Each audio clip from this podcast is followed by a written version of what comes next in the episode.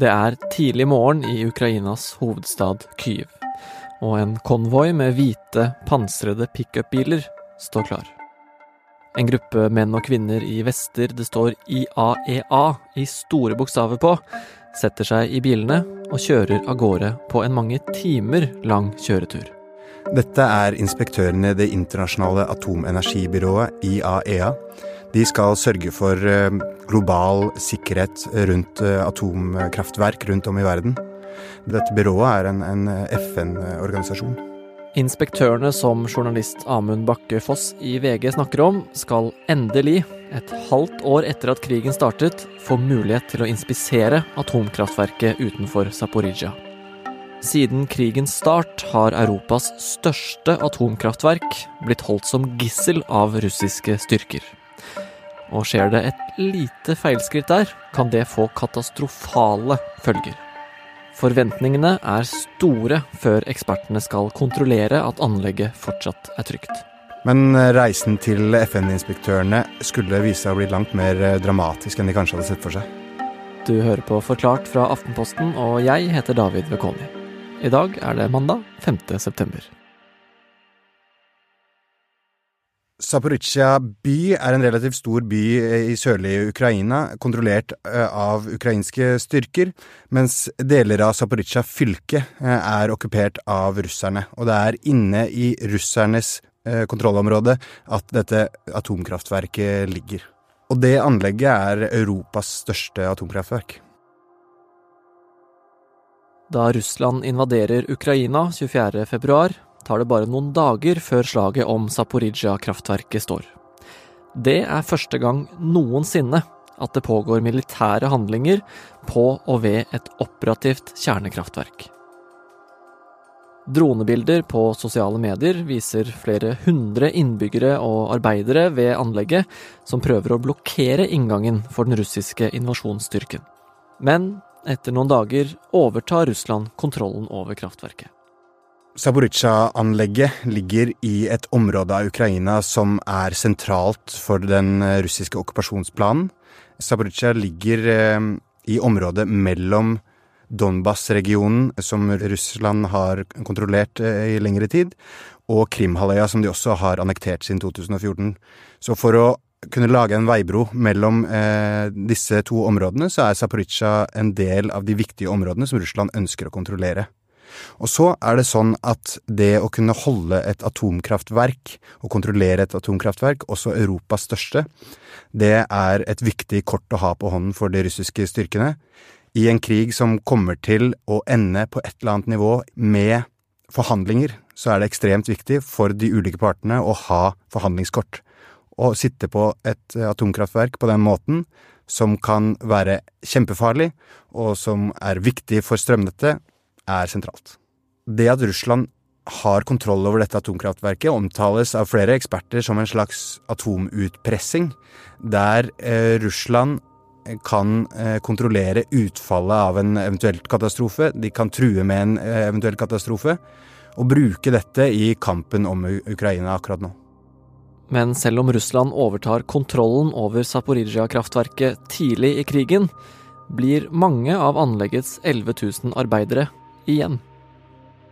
For mange av de arbeiderne som har jobbet ved atomkraftverket i denne regionen, så er atomkraftverket en stolthet, eh, nærmest et kall, eh, å jobbe der, sørge for dets sikkerhet.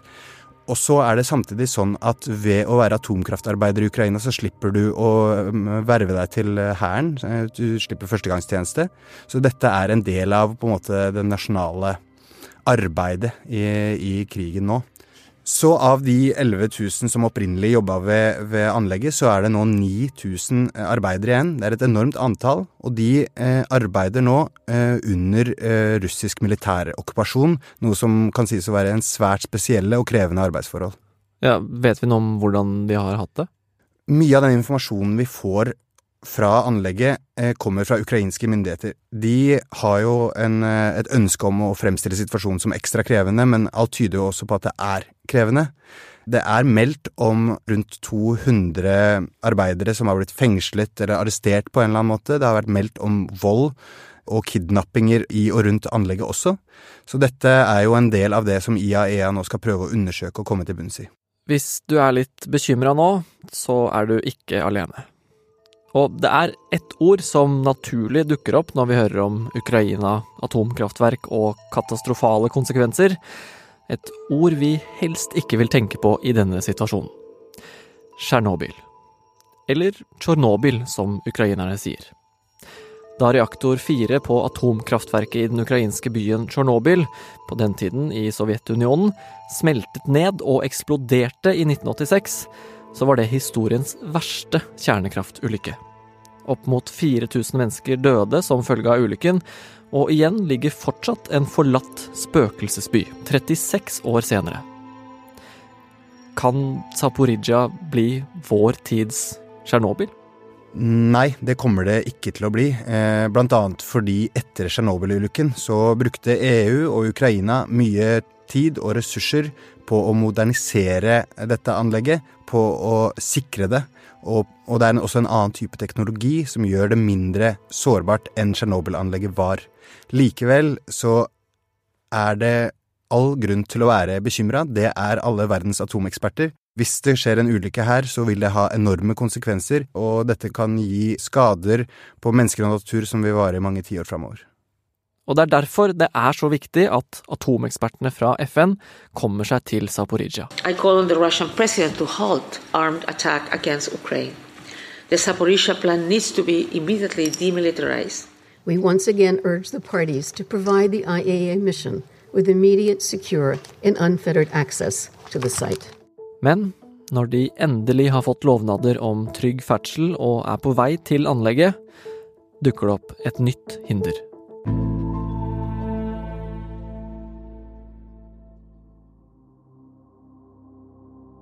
Det er i all hovedsak tre ting som gjør situasjonen rundt atomkraftverket farlig nå. Det første punktet er de direkte kampene som pågår rundt anlegget og i regionen rundt anlegget, i byen rundt anlegget. Dette anlegget er ikke bygd for et direkte militært treff. Så vi vil alle være i trøbbel hvis et missil treffer en av disse reaktorene, og en ulykke iverksettes som følge av det. Det har allerede vært veldig nære alvorlige skader på kraftverket. Tidlig i mars ble det skutt en kule av høyt kaliber gjennom ytterveggen i én av de seks reaktorene. I en annen hadde artilleri truffet en transformator fylt med brennbar olje. Da New York Times snakket med dem som jobber på kraftverket for ikke så lenge siden, fortalte en av ingeniørene der at det bare var flaks at det ikke endte med en større brann. Det andre punktet er infrastrukturen rundt og i eh, kjernekraftverket. Eh, et kjernekraftverk er helt avhengig av strømtilførsel og vanntilførsel for å få kjølt ned atomreaktorene. Hvis eh, nedkjølingen ikke er permanent og pågår kontinuerlig, så kan det bli en nedsmelting, og da kan vi få en lekkasje av radioaktivt materiale, noe som åpenbart er farlig. Også på toppen av dette så er det da menneskene som jobber der, som vi jo hørte kan ha blitt behandlet eh, ganske dårlig. Hvordan spiller det inn på faren? For sikkerheten i et atomkraftverk så er erfarne arbeidere som vet hva de gjør, og som vet hvordan de skal behandle anlegget på en sikker og forsvarlig måte, helt sentralt. Nå er disse arbeiderne under et helt umenneskelig press. De har russiske soldater som har okkupert deres region, okkupert deres land, som går væpna rundt på anlegget. De aner ikke hva hverdagen vil bringe, de aner ikke om ukrainske eh, soldater vil komme dem noen gang til unnsetning, eller om dette er en varig okkupasjon. Så å jobbe med atomsikkerhet, som er så viktig, eh, under militært press og med eh, skytevåpen rundt seg, eh, det kan ingen av oss tenke oss hvordan er. Og det er kanskje disse tre tingene ekspertene fra IAEA tenker på idet de pansrede bilene kommer seg nærmere og nærmere atomkraftverket i Zaporizjzja.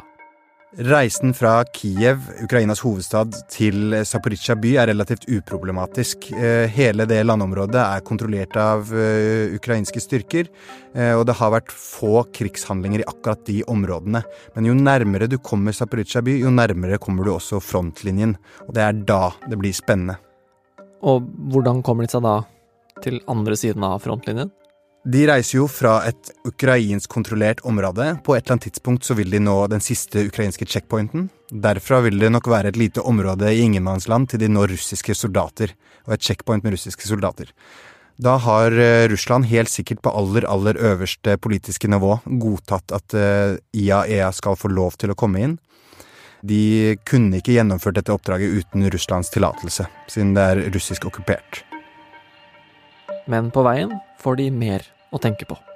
Både russiske og ukrainske styrker hevder at ekspertene blir angrepet. The United Nations team sent to inspect the Zaporizhia nuclear power plant in Ukraine is on its way to the site right now. At around lunchtime today, they clocked into a contested nuclear power plant in the middle of an active war zone. The head of the regional administration is accusing Russia of shelling the pre agreed route.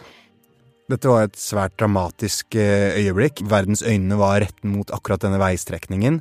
Det blir meldt om militære angrep eh, hele veien. Så derfor stopper konvoien opp. Sjefen for IAEA e som er med på denne reisen, kommer og gir et statement til eh, pressen. Sier at vi er klar over faren. And I am going to uh, consider the possibility of establishing a continued presence uh, of the IAEA e at the plant. Vi prøver nå å veie veie for og imot, men vi velger likevel å fortsette, for dette er et så viktig oppdrag. So, wish us luck. We are moving now. Thank you for your interest. It's very important that the world knows what's happening here. Thank you very much. Amund, det er én ting som jeg sliter litt med å forstå her. Hvem er det som skyter på et atomkraftverk? Det høres jo ikke lurt ut. Ukraina-krigen er en forferdelig, blodig, dødelig fysisk krig, men det er også en helt intens informasjonskrig. Russerne ønsker at verden skal vite at Ukraina og ukrainske styrker setter verden og ukrainske innbyggere i fare ved å angripe atomkraftverket. Ukrainerne og deres informasjonsapparat hevder at det er russerne selv som skyter og tenner på branner for å skylde på ukrainerne. Så det er umulig for meg å si, og for egentlig alle andre journalister som ikke er akkurat der, å si hvem som gjør hva. Men det som vi i hvert fall vet, er at begge partene bruker all informasjon for det det er verdt for å sverte den andre parten. Så det pågår en intens informasjonskrig som er en del av bildet her, og ingen kan si sikkert faktisk hva som skjer. Men torsdag, rundt klokka halv to norsk tid, kommer ekspertene endelig frem til kraftverket. We are finishing our long-awaited visit to the Zaporizhia nuclear power plant. I have just completed a first tour of the key areas that we wanted to see in this first uh, approach uh, to the whole facility. Samme kveld fortalte IAEA-direktør Rafael Grossi at de hadde gjennomført sin første inspeksjon, og at de gjorde seg klar for å bli ved kraftverket en stund. Faktisk skal to av ekspertene bli der permanent. Uh, a lot more to do. My team is staying on, and more importantly, and most importantly, we are establishing a continued presence by the, from the IAEA here. Amund, hva er det egentlig disse uttalelsene betyr i praksis? I en svært dramatisk situasjon som ukrainerne er oppe i, der et eh, atomkraftverk ligger i frontlinjen, så er uttalelsene fra IAEA gode nyheter. Eh, vi kan puste litt letta ut ved å høre at permanente inspektører skal være på anlegget. Vi har også hørt fra eksperter som mener at Ukraina og Russland, ingen av de stridende partene, har egentlig noen grunn til å ville ødelegge sikkerheten ved dette anlegget. Så det vi kan håpe på, er at de krigende partene unngår å skyte direkte mot anlegget, uansett hvem som skulle holde det i tiden framover, og at inspektørene får bli der og sørge for at sikkerheten vedvarer. Så på litt lengre sikt, da, hvordan kan situasjonen rundt eh, Zaporizjzja løses? Akkurat nå er det ingenting som tyder på at det er i Ukrainas interesse å forsøke å ta anlegget og byen der anlegget ligger, med makt. Men i forrige uke så startet Ukraina en lenge ventet offensiv i Kherson fylke, som ligger rett ved siden av Zaporizjzja fylke. Her har ukrainerne frammarsj, og russerne er på tilbakemarsj. Mange russiske eh, ledere har flykta fra regionen allerede. Og man kan tenke seg at med tiden som kommer, hvis Ukraina skal fortsette å ha militær fremgang, at de også vil pushe mot Zaporizjzja. Da kan man se for seg at kanskje russerne vil bli tvunget til å forlate anlegget og forlate dette området, og da vil eh, anlegget til slutt komme i ukrainske hender igjen. Men dette kan være svært langt fram i tid. Forhåpentligvis da uten noe atomkatastrofe på veien. Det er det jeg tror både russerne og i hvert fall ukrainerne, som forhåpentligvis skal leve i denne regionen i fred og sikkerhet, håper på.